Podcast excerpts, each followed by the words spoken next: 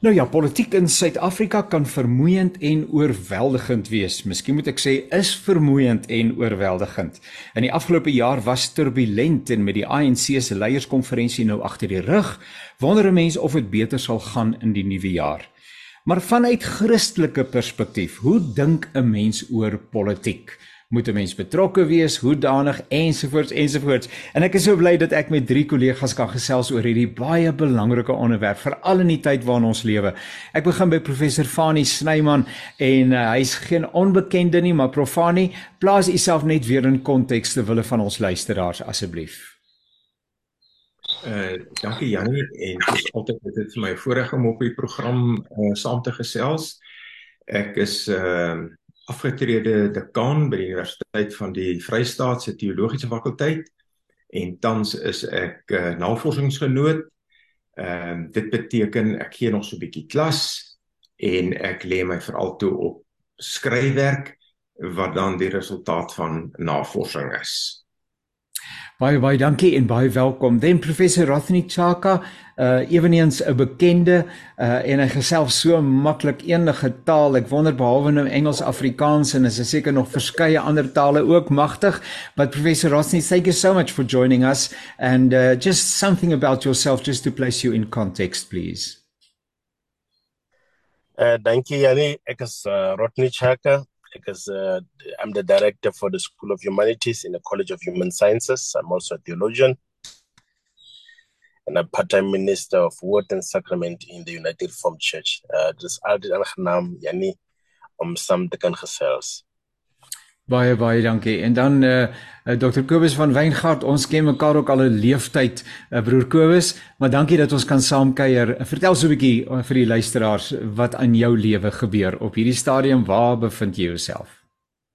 Uh, dankie Janie, is lekker om weer saam te gesels.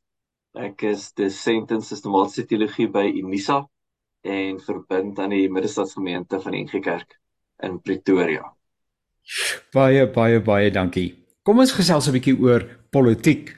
Nou ehm um, hoe is politiek dan nou anders as byvoorbeeld ekonomie of ander uh, dissiplines? Hoekom ek so vra is ek het nog nie gehoor dat mense emosioneel uh raak en selfs in 'n veg by beland wanneer hulle praat oor ekonomie van die dag en die syfers van inflasie en ensovoorts of die rentekoers wat weer bietjie gestyg het nie. Dalk iets wat maar nie in die mate waarin mense uh uh betrokke raak by die gesprek en partykeer uh, nie baie vriendelik nie wanneer ons oor politiek praat nie. So kan ons 'n bietjie die politiek as terrein probeer definieer En uh, en dalk ietsie, hoekom is dit vir ons so 'n baie baie emosionele aangeleentheid? En uh, nou dis 'n oop uitnodiging, maar kom ek vra vir uh, Profani om vir ons die baan te open asseblief. Dankie Jannie. Uh nou ek moet dadelik sê ek ek praat so bietjie in my nie bietjie ek praat in my hoedanigheid uh as teoloog en meer spesifiek as Ou Testamentikus. Ek is geen politieke wetenskaplike nie. Maar soos wat ek die politiek sien is politiek het te doen met die tref van maatreëls om 'n gemeenskap te orden.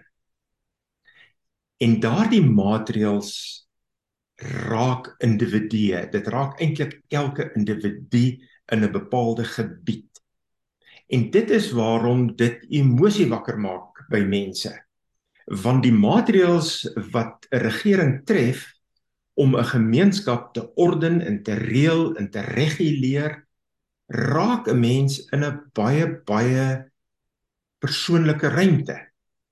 En dit raak ook jou toekoms maatreëls in reëls wat getref word raak ook jou toekoms dit raak die toekoms van jou kinders jou kleinkinders En dit is wat wat wat emosie opwek. Persoonlike veiligheid byvoorbeeld is ter sprake. Nou wat persoonlike veiligheid ter sprake is word dit emosionele word dit emosionele ding. So en hoe ek politiek sien en waarom dit 'n emosie by mense wakker maak. Bye bye, dankie. Uh, Prof Rothney, I've interacted with you on many occasions. I've never seen you stressed uh, and uh, uptight and so on. So I, I don't think that you get stressed uh, about politics, but uh, in general, perhaps people within the congregation and your sphere of influence. Uh, mense kan tog baie baie emosioneel raak oor politiek. Hoekom is dit so? Nee, ja. Nee, ek stres sommer baie. Dit hang seker af hoe lyk 'n mens of of of wat gebruik jy as jy stres. Prof Neeman het dit mooi gesê vir my. Ek meen dat dat is nie 'n ding uh jy weet uh, dat ek, ek dink nog van 'n van 'n artikel van 'n date is dit nou um ding 'n Dutch translation. Politiek is alles maar as is nie politiek nie. Politics is everything but everything is not politics.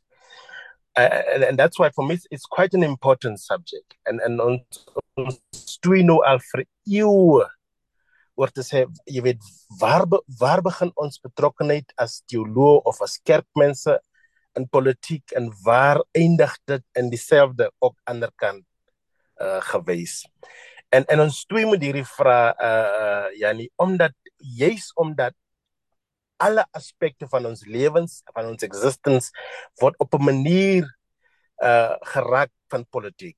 En, en dis hoekom dit vir my so belangrik is dat dit nie net 'n ding of 'n aspek is wat moet vir die politici gelaat word. En nou nou daar's 'n verskil tussen partytetiek en politiek wat wat wat te doen het really it really has to do with the affairs of the city, the affairs of the community. Uh, en en en en jy weet as as 'n student uh, wat Kalbaard gele, gelees het, uh, sien ek nog altyd hoe belangrik dit is. Jy weet wat die wat wat, wat die samelewing aanraak as jy's ook wat die kerk aanraak. So ons kan nie in die kerk sê nee, nou is ons in die kerk en so ons is ons is weg van politiek af nie want hierdie goed impact vir mekaar. Die vraag is altyd uh op watter mate of op watter manier engage ons met die politiek en en en en en en jy weet jy nou Afrikaans en, en Engels praat jy heeltyd nou hier goed te translate in jou kop. But for me, it's always a question of saying, uh, what what measures do we use or do we put in place to make sure that we interact with either of these aspects because they are both important, both for the church and for the community. Uh, thank you so much, Rothney, and please feel free to to respond in whatever language you feel comfortable with at that particular stage. Solank dit nou net Afrikaans en Engels is eh, ras nie as jy nou ander taal praat sal ons net moet wag en as dit 'n heavenly language is sal ons maar vir Profani vra om vir ons interpretasie te gee. Uh, maar kom ons hou maar by, Afrikaans en Engels maar ons is gemaklik tweetalig hier by Radio Kassel. Kobus as jy en ras nie ras nie mekaar daar in die gange by Unisa raakloop raak julle 'n bietjie omgeëllie oor die politiek. Uh, waaroor is dit so emosionele aangeleentheid Ja, jy dalk moet ek so 'n bietjie uit 'n ander hoek uit aanpak en op jou vraag reageer of jou voorbeeld reageer wat ek het vind dit nou nogal interessant dat jy sê mense raak nie emosioneel oor die ekonomie nie. Uh want ja, as ek net ja. so of twee ek twee woorde nou hier ingooi, en jy weet as ons nou wat nou wat 'n baie half net so eintlik was simboliese woorde geword het, was ek nou sê woorde gebruik soos kapitalisme en kommunisme wat nou na bepaalde ekonomiese gedagtes verwys. Een en ander raak mense maar baie emosioneel ook. Ja, ja. En dit is ja. nog interessant en ek dink nie is verkeerd, dit is nog interessant dat ons in Suid-Afrika sou dink dat ons nie baie opgewonde en emosioneel raak oor die ekonomie nie. Dalk omdat ons om een of ander rede voel ek die ekonomie is maar 'n ou tegniese ding. Jy weet dit die reservebank en die belastingkader hulle maak hulle berekeninge en dis so 'n tegniese ding politiek ons nee nee hier raak dit aan ons diepste wese. Hier is dit amper al ideologies dit gaan oor hoe ons dink oor wat is goed vir ons en vir ons kinders en vir ons samelewing. Is dit eintlik ander gemeenskappe waar die twee omgeruil is waar mense sê ag nee maar die politiek is maar ou tegniese klomp goeders wat ons vir die bureaukrate kan los en ons gaan nou nie baie emosioneel raak daaroor nie maar die ekonomie daaroor raak ons baie emosioneel want hier raak dit nou aan aan ons diepste oortuigings. Uh, dit dalk net om te sê, ek dink in Suid-Afrika gegee ons geskiedenis weet ons. Die politiek is nie maar net 'n ou tegniese dingetjie wat 'n paar bureaukrate doen nie. Ons weet dat mense se visies, hulle oortuigings vir wat is goed vir mense en vir 'n samelewing word speel uiteindelik uit in dit wat ons politiek noem. En en daarom is dit dalk goed dat ons sterk voel oor dinge. Uh, ons kan praat oor hoe ons dan moet deelneem daaraan, maar dit is goed dat ons sterk voel en sê maar ons het oortuigings, ons het bepaalde prentjies van van ook as Christene prentjies van hoe ons dink die die polis die stad, die samelewing moet lyk en en ons ons kan passievol ook daar daaroor raak want dit raak ek weet van net sê dit raak mense se veiligheid dit raak dit raak op, hoe my kinders gaan 'n lewe hê saam met ander mense. En daaroor moet ek mos moet ek mos sterk voel die die, ek selde die ou mense sê nou uh, dan sê my vrou nou wie's die ou mense profanie uh, want ek is deesdae seker in dieselfde geselskap op 'n manier uh, daarin dat ek nou al 'n paar jaar geëmeriteerd is maar uh, die ou mense het altyd gesê politiek is vuil. Jy praat nie oor politiek nie. En en in uh, by Radio Kansel en Kaapse Kansel uh, is my uh, taakbeskrywing is aktualiteit uh, so ek gesels bykans weekliks praat ons aanstekens politiek. Ons praat met politieke ontleeders oor wat tans in die gebeur is, uh veral in die afgelope tyd rondom daai leierskapsverkiesing en die posisie van meneer Ramaphosa en 'n klomp dinge en hoe dit die lewe van mense ook gelowiges raak wat ons staan met ons voete op aarde. Maar daar is mense wat sê maar 'n program soos hierdie hoort nie byvoorbeeld in 'n geestelike konteks nie. Uh Christene moenie politiek praat en programme verwoord waarin daaroor politiek. Kan 'n bietjie hoor oor hierdie gedagte van maar 'n Christen en politiek, die twee goeters en Rothney het bietjie dan dan by aange, aangeraak al, maar maar hierdie gedagte van 'n Christen bemoei hom nie met politiek nie. Dit is dit is teenswoordig maar maar ons is ons uh, mik vir daarbo. ons is tog op pad boontoe. Waar dit ook al mag wees. 'n Profanie Ja. Ja. Praat uh, kan ek kan ek reageer daarop asseblief, ja? Asseblief, ja. Ja. Kyk, As... ek ek uh, kom ek sê ek dink dis 'n grouwe mistasting om te sê politiek is vuil asof net politiek vuil is. Ehm um, waar waar mense mekaar uitbuit in 'n bepaalde ekonomiese stelsel uh waar onregverdige en uh, winste gemaak word is is ekonomie en finansies vuil. Uh ek dink ehm uh, intieme verhoudings tussen mense, naby verhoudings tussen mense kan verskriklik vuil wees. Uh ons is ons is gedenk elke jaar hier teen die einde van die jaar soveel dae teen ge, uh, misdade teen vroue en kinders. Ehm uh, ons waar daar geweld gepleeg word binne verhoudings teenoor vroue, teenoor mans, teenoor kinders, is dit vuil. Hmm. So ek dink ons ons ons ons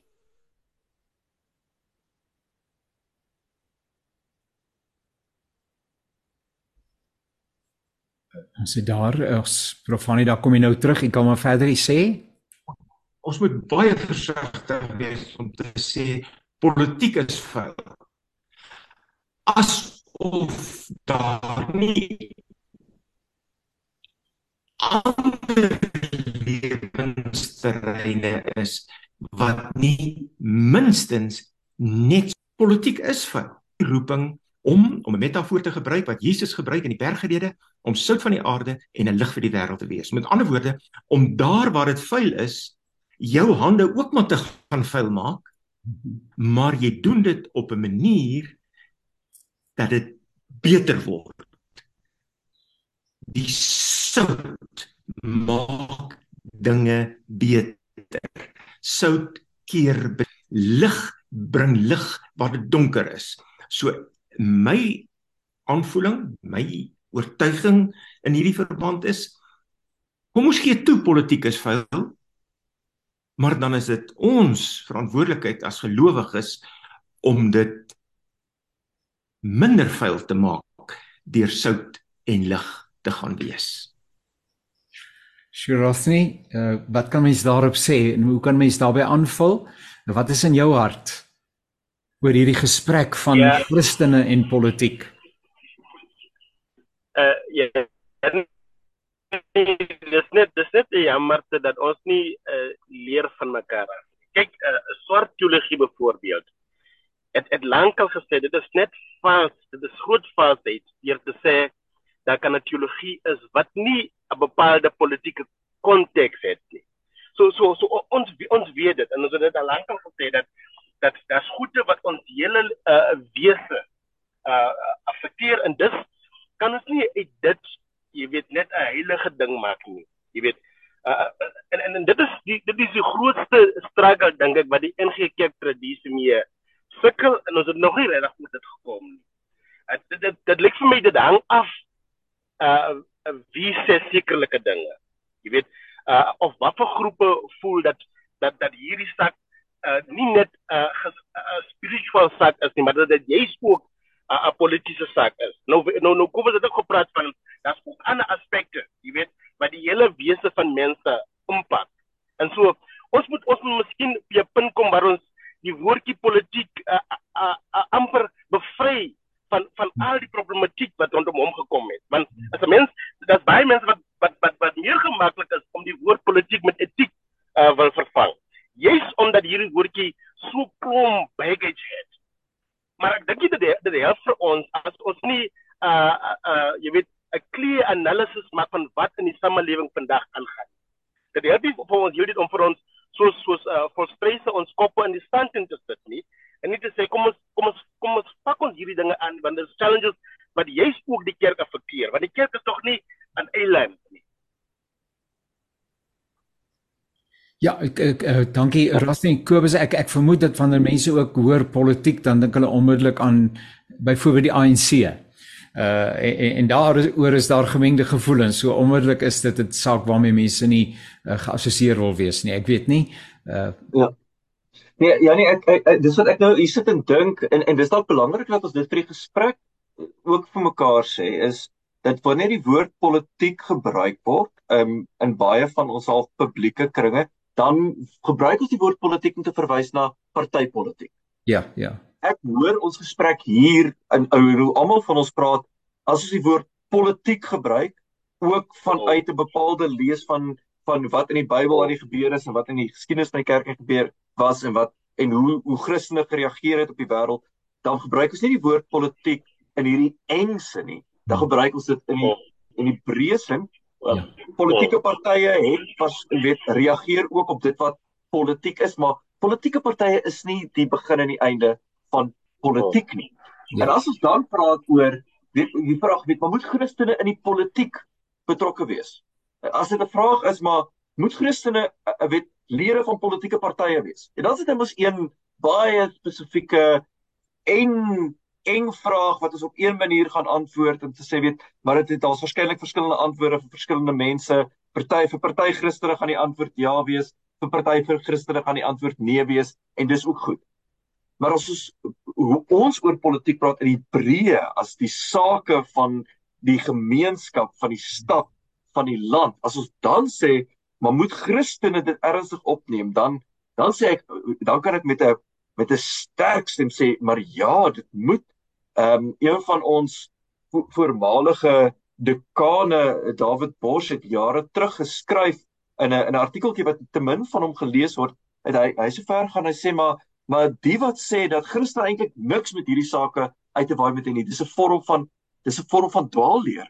Het hy gesê dit kan nie. Kan nie dat Christene sê ons het niks te doen met hierdie sake van die wêreld nie. Dit is in die hart van ons geloof dat dit wat vir gemeenskappe belangrik is, daar moet ons mos nou wees. En as dit en dit is politiek. Ek is so be bevoorreg om met 'n drie teoloë te gesels. So as ons dan nou uh, vanuit 'n Bybelse perspektief uh praat want niks spreek tog duideliker en meer gesagvol rigtinggewend as juis die Bybel nie. So profanie kan ek weer maar by u begin. Ek ek gaan maar so in die ronde uh saam met u almal en ons praat oor 'n uh, 'n Bybelse verstaan van ehm um, gelowiges, kinders van die Here, kinders van God, geloofsgemeenskap watter uh, simbool ons ook al wil gebruik uh en en en ons betrokkeheid binne die groter raamwerk dit wat Kobus nou vir ons as 'n definisie van politiek uh, geskilder het. Uh hoe help die Bybel vir ons in die verband? Ja, dankie Janie. Ek dink dis 'n belangrike vraag wat jy daar vra uh net so terloops en ter inleiding uh uh dit is interessant om te sien uh dat ek wil dit waag om te sê in byna al die gevalle waarin ek nou op hierdie oomblik kan dink maak die profete van die Ou Testament aan mekaar politieke uitsprake. Die profete van die Ou Testament vat die konings van hulle dag aan op 'n manier wat ek nie altyd dink ek die durf in die moed sou hê om te doen op die manier waarop hulle dit gedoen het nie.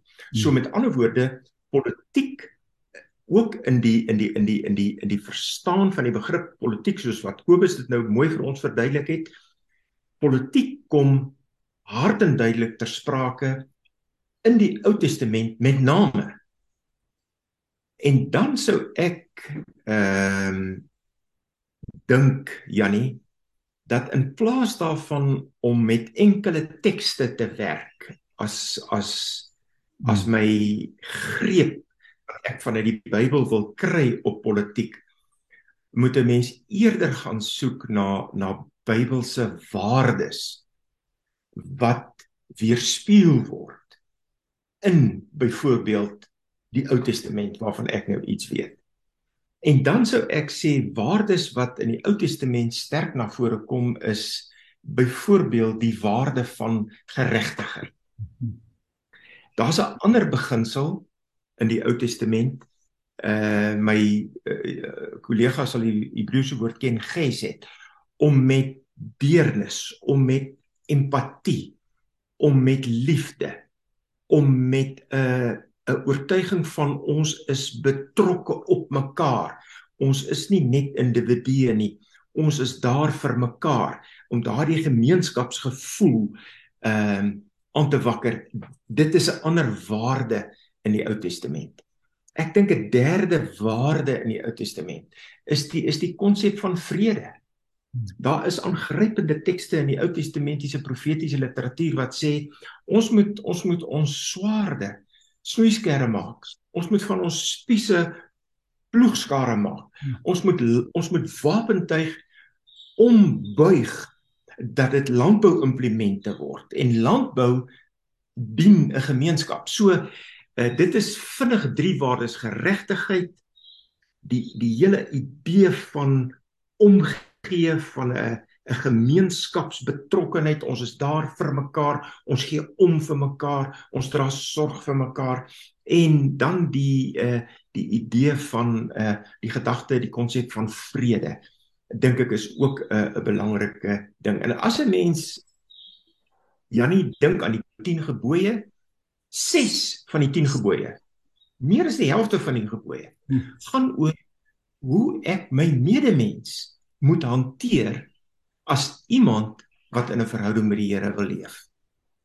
Dit net so in kort, mense kan nog baie daaroor sê, maar ek dink dit gee so 'n paar riglyne vir ons en ek het nou spesifiek vanuit die Ou Testament 'n riglyn of wat probeer gee. Baie baie dankie. En ek is so bly uh prof. Rosni en en Kobus uh, dat uh, prof. Fani vir ons uh, geset verklaar het want uh, vir oomblik het ek gedink is 'n plek in Israel of uh, of so. Prof Rosni uh dit is lekker om uh, met hierdie mooi begrippe uh gekonfronteer te word en opnuut weer te mag nadink. Sluit bietjie by uh, prof. uh, uh Fani aan asseblief. Uh hoe praat jy met jou gemeente? Uh, hoe, hoe praat jy met die gemeente oor die Bybel en yes. politiek. yes. Uh, you, you know, Yanni, and, and I'm, I'm very grateful that uh, Prof. Fanny really uh, spoke to how why it is so important that we are very careful uh, in selecting certain text and, and using that uh, to justify what we're doing. You know, uh, I, I, think the Bible is such such a delegate and and sometimes also such a a, a powerful uh, tool that you have to be very, very careful how you go how you go on with it. And that's why for me, it is it is very important that we that we desist from taking certain uh, verses that we're comfortable with and say based on this we are supposed to to go this particular direction. I like the fact that that he rather speak to the the traits uh, that we find in the Bible, and that is enough uh, ammunition or guidelines for us to say mm. this is basically what is expected of us as Christians. Now, we spoke of the prophets, but I also think in the New Testament, uh, you have Christ Himself as the example mm-hmm. of how to be uh, a person that we want to emulate. Uh, you know, also uh, speaking love and, and, and living love, basically, which is something that uh, sometimes when we are confronted with too much adversity, we forget this very important uh, ingredient called love and, and having uh, needing to have love of your neighbor. And your neighbor is really not a person who speaks your language, who looks like you, but the mm-hmm. person who is created in the image of God. And uh, these are the things that uh, in adversity and in difficult times we have to practice once again. Uh, so, so, so I, I really appreciate that this is what is called for today in a time where people are on the edge of giving up. Funny, uh, where, where people feel that they are with their backs against the wall. It is these traits of the Bible that once again uh, breathes new life into us. And maybe we need to have more conversations about this in this adverse time.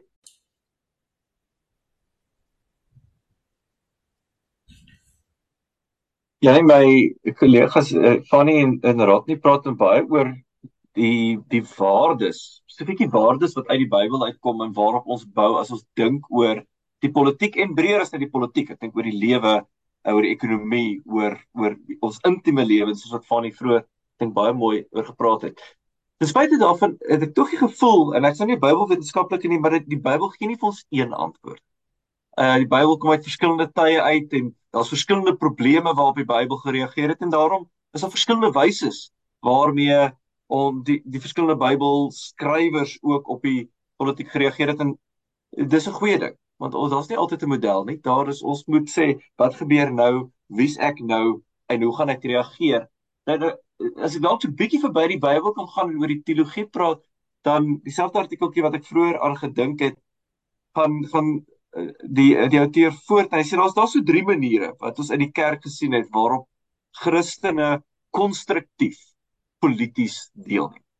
En, en een is as 'n partymal dan is ons in 'n plek waar ons moet sê dit wat hier gebeur is baie verkeerd en ons moet dit opponeer. Ons moet nee sê.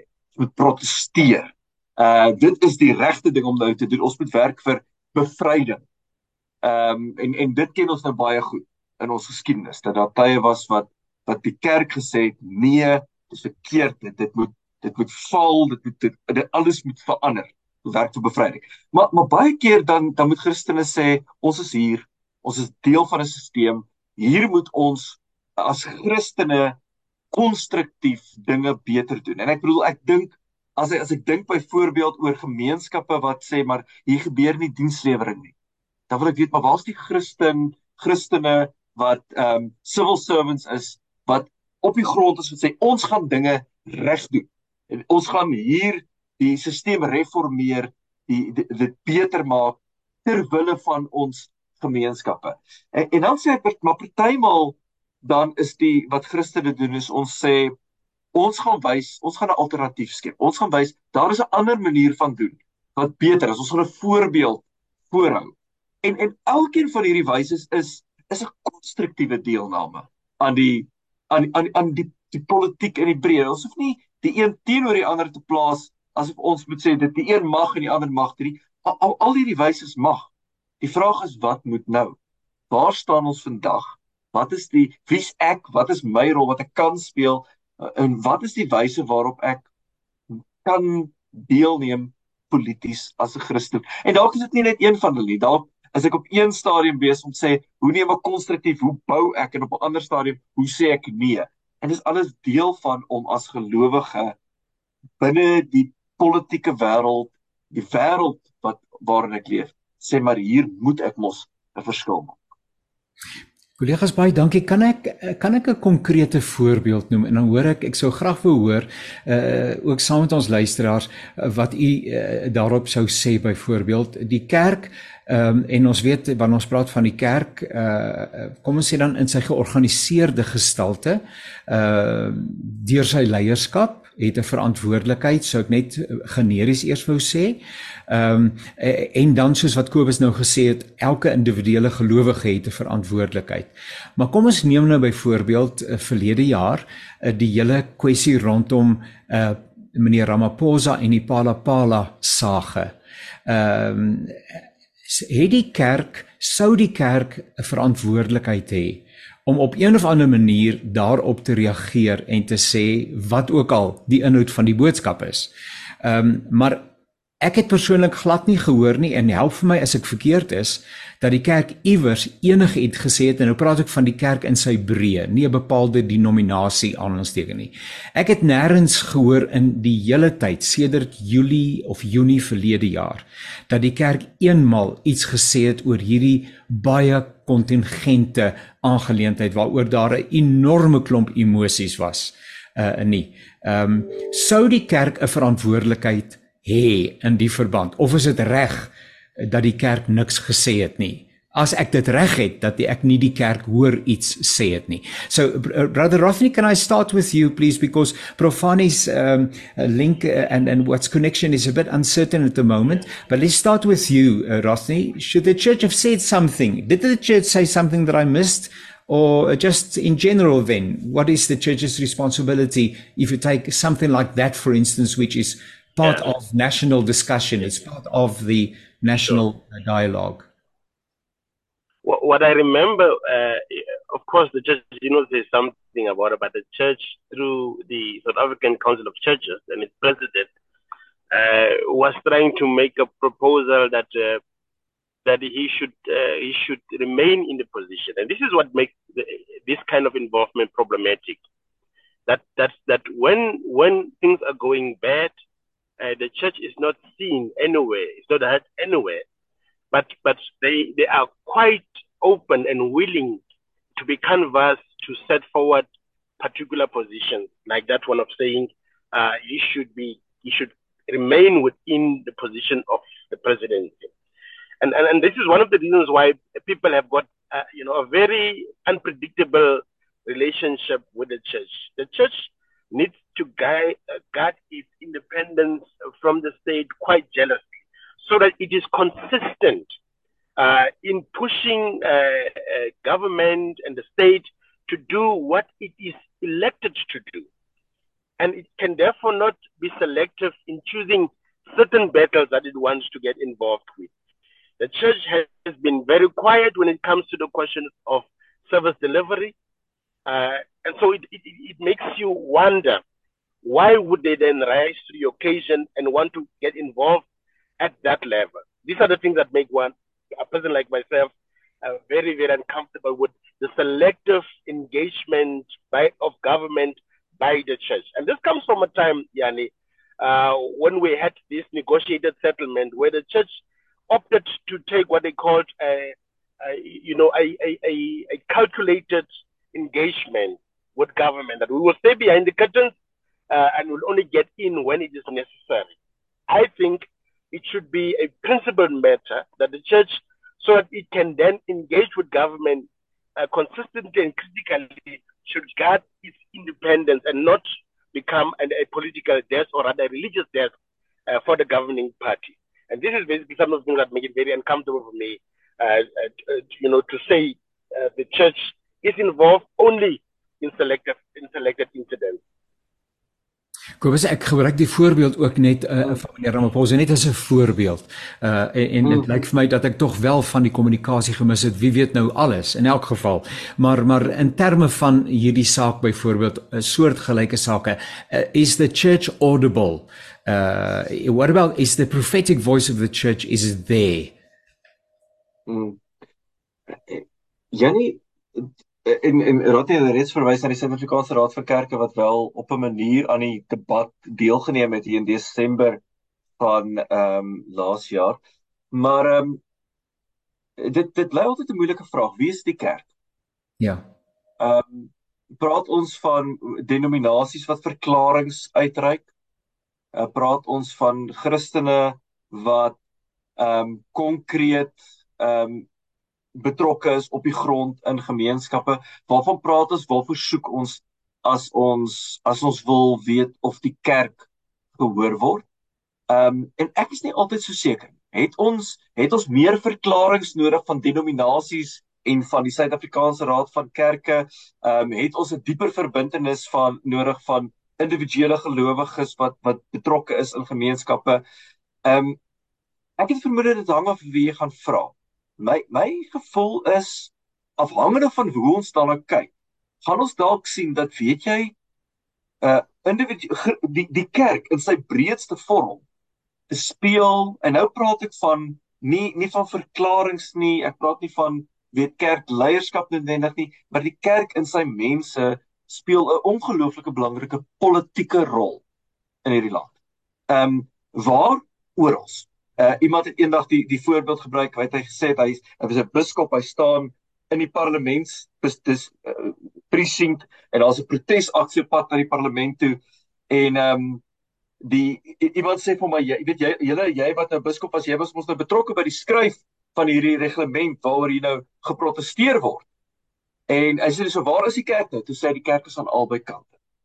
So partymal staan ons hier aan hierdie kant van die lyn ons is deel van die van die politieke die die amptelike politieke eh, prosesse dis die kerk. Partymal proteseer ons, dis ook die kerk. En partymal is die kerk aan dwars deur die spektrum. Dis deel van die spanning dat die kerk nie op 'n enkele plek is nie want want die kerk reflekteer ook die diversiteit van ons samelewing. Ek dink dit's daarom wat daar met goeie rede oor oor dekades hier 'n sensitiwiteit by die kerk gekom het om te sê wat raad nie ook sê wees dit versigtig voor jy jouself nou te vinnig self in die in die partytetiese prosesse al posisioneer as ek vat nou hierdie kant se kant.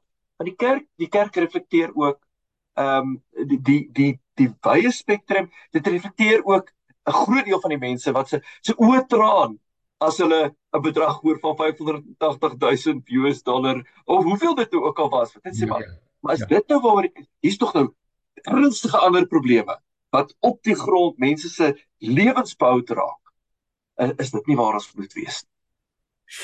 Kom ons hoor ehm um, miskien hier na die einde toe van ons saamgesels en baie baie dankie uh vir die belangrike uh perspektiewe wat op die tafel kom. Uh, uh Rosny, when we pray your kingdom come, your will be done on earth as it is in heaven. What is it that we're asking for?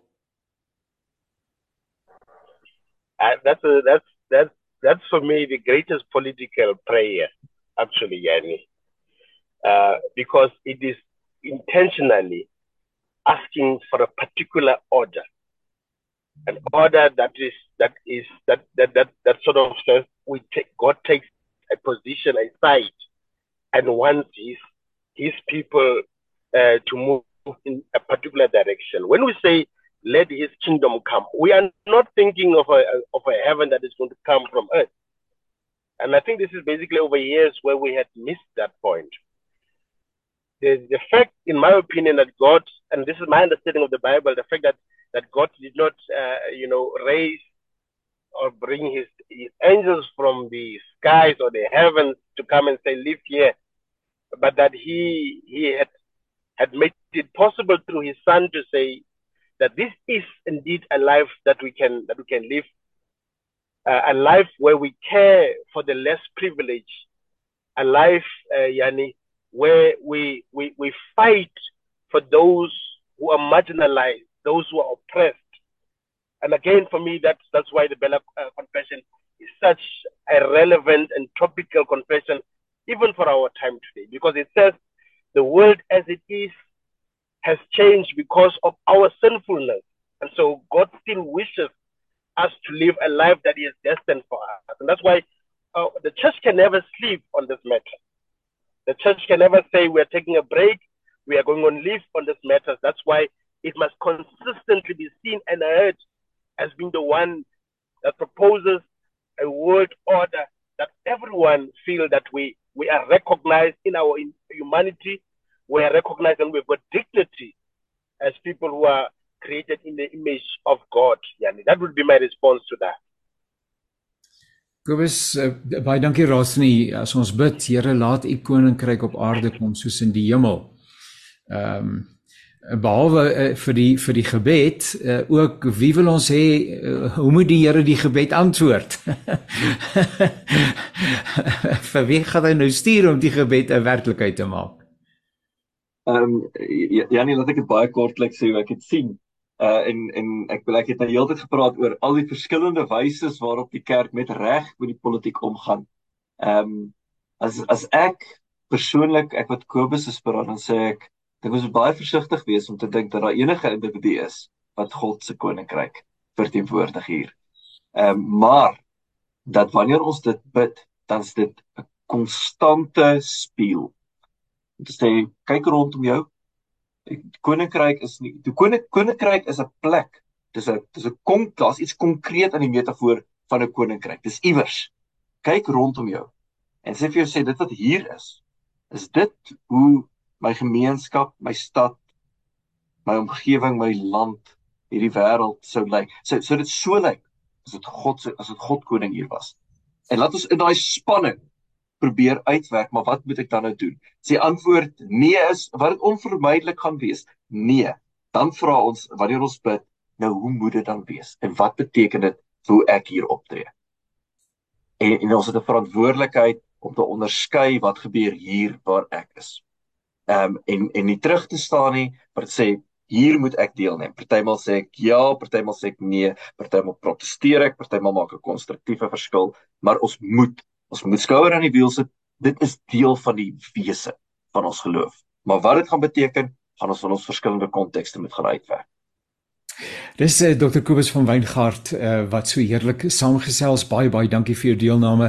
Waardeer dit opreg. Baie baie dankie uh, Dr. Kobus van Weingart. Uh, Professor Rosnit Saka, it's the beginning of a new year and uh, what is on your heart? What do you see? How would you describe our calling uh, as uh, as Christians individually and corporately at this particular time in South Africa?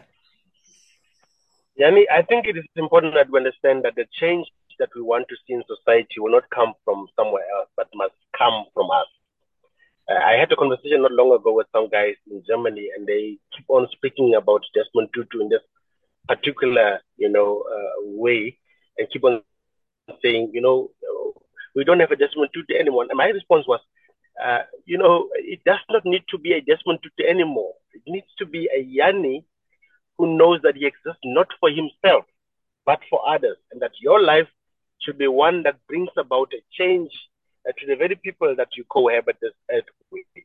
So I think the time is gone for us to want uh, to look forward to a Messiah that's going to come from the from the sky, but to begin to say, "You are the Messiah in that corner that you." Start to make this change differently to the different challenges that you're faced with, as Kubas has said, because we can't only have one response to this thing. There, it is going to be varied based on the, the, the number of challenges and the ways that they come uh, to us. And that is what I hope, you know, would be something that inspire us uh, in this new year. Professor Rothintsaka, thank you so much again for your participation. As always, uh, wonderful to have you as a guest. May God bless you richly. With that, uh, ladies and gentlemen, brothers and sisters, we've come to the end of this program, Perspective uh, in terms of uh, the contribution from our partners. Unfortunately, uh, load shedding makes it extremely challenging uh, to air a program like this. And thank you for your patience in this regard. But Dr. Gobus van Weingart en Professor Rafni Tsaka en ook Professor Fani Snyman vir die kere wat hy wel kon bywees by ons en met ons saamgesels namens Radio Kansel se luisteraars. Hartlike dank. Ons waardeer u deelname opreg.